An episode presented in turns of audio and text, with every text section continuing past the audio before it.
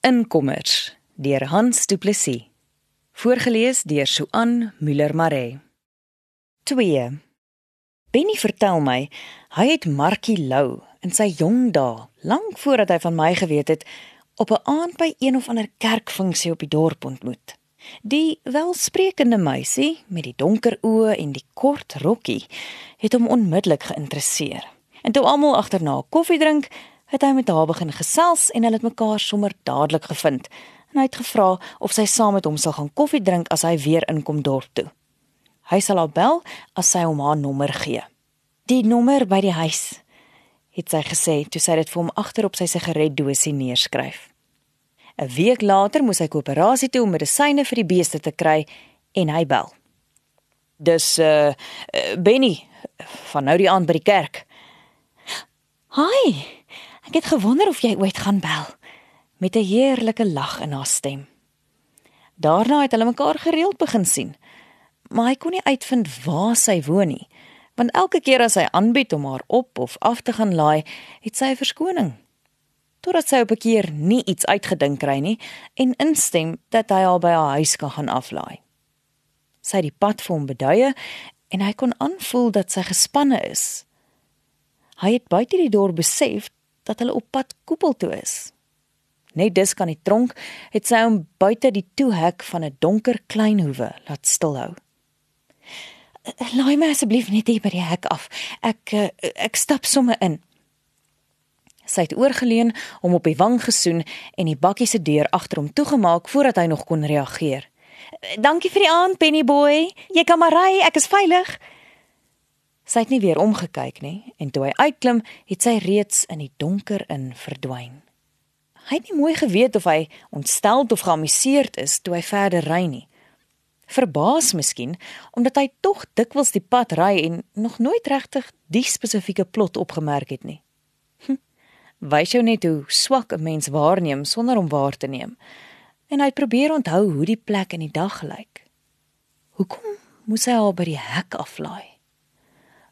Die dat sy altyd so skerm as hy haar by haar huis wil kom oplaai. Dalk is sy nog getroud ook. Hy kry lag vir sy eie gedagtes, maar bly tog wonder. Hy het al gewoond geraak aan haar, dalk selfs verlief vir die eerste keer in sy lewe, al weet hy nie regtig hoe lief hy behoort te voel nie. Hy sal vir Johnny moet vra. Die het meer ervaring van sulke dinge. Sy antwoord nie toe hy bel nie. Ook nie toe hy later die week haar nommer herhaaldelik skakel nie. Dit was nog voor die dae van selfone. Saterdagmiddag kry Benny vir die eerste keer kans om dorp toe te ry. Net na 4 hou hy by Markie se hek stil. Hy bly 'n wyle in die bakkie sit om te kyk of hy haar nie dalk iewers sien beweeg nie.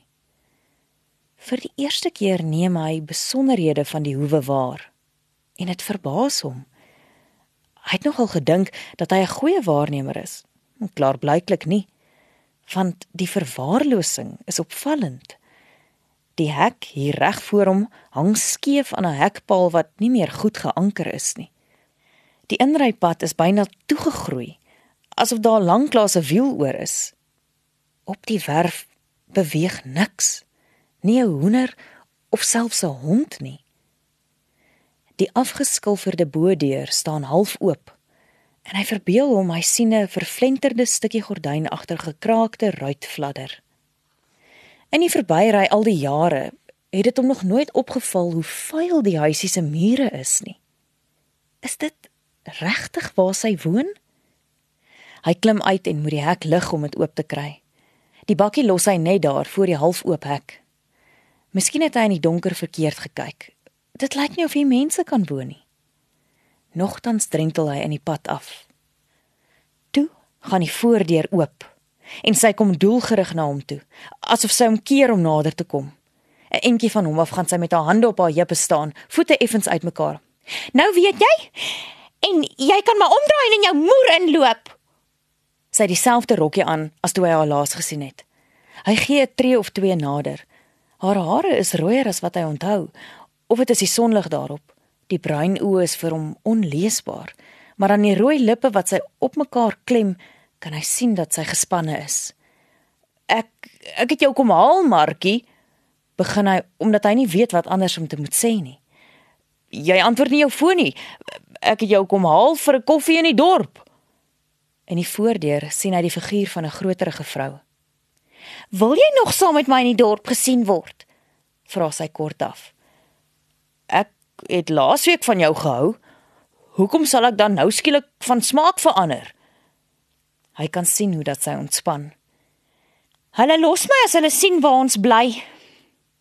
"Maar ek is nie hulle nie. Ek is Benny en ek het jou by jou huis kom haal vir koffie." Sy glimlag. "Ek kry net my handsak." Hy staan vir haar en wag totdat sy weer uitwarrel en oor haar skouer roep: "Bye ma, bye pa." Hulle sal so te sê in die dorp toe Benny vra: "Hoe lank bly julle al daar?" "Van altyd af." "En dan wie behoort die grond?" "By my oupa geërf." Toe hy nie daarop reageer nie, vervolg sy: "My pa het lankal opgehou om werk te soek en my ma is afbetaal omdat sy wit is." Ek sê altyd, dis hierdie regering wat wit mense niks genie en die kerke gee nie vir arme mense om nie. Hy wou nog vra hoekom hulle nie 'n skaap of bees op die plot aanhou nie, maar hulle is al by die koffieplek en hy wil haar nie verder in 'n verleentheid plaas nie. Hulle drink koffie en gaan fliek en dit is al laat toe hy haar by haar huis aflaai en beloof om haar weer te sien. Iets wat Benny Afrikaner daarna gereeld doen en haar uiteindelik vir 'n naweek kom toe nooi. "Waar gaan ons bly?" vra Markie. "By my broer op die kom. Hy woon daar in die ou plaashuis." "Is daar genoeg plek?" "Ja, daar's 'n vrykamer." "Lekker." "Nee, dis wat die ou mense 'n gastekamer genoem het." "O, dis jammer."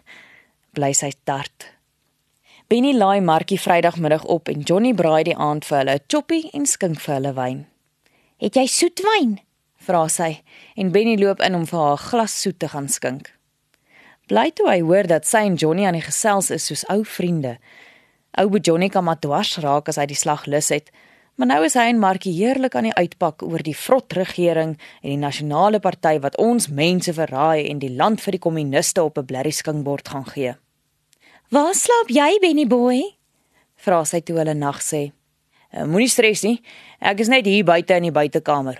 Skree as jy my nodig het. Sy het hom toe nie nodig gekry nie. En toe hy vroegoggend kom bys te loop om koffie op te sit, kry hy haar in sy broer se arms. Sy het net 'n groterige T-hemp aan en hy sien Johnny se hand onder die hempie inskuif. Van daardie dag af woon Benny Afrikaner alleen op oorkant kom in die bywonershuisie op sy eie erfdeel van die kom oor kan die rivier.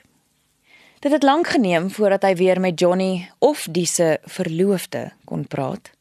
Selfs toe Johnny en Markie minder as 'n jaar later skielik trou en in die ou huis op die kom intrek. Ek sê altyd, 'n mens kan nie 'n ordentlike kind in die dorp grootmaak nie, veral nie as die blerrie ANC eers ons land regeer nie het Markie beter weterig haar nuutgevonde skoonsus Nonnie opgevoed toe die al swaar gedra het aan haar en Grootpiet Sommer se ongenooide eersteling.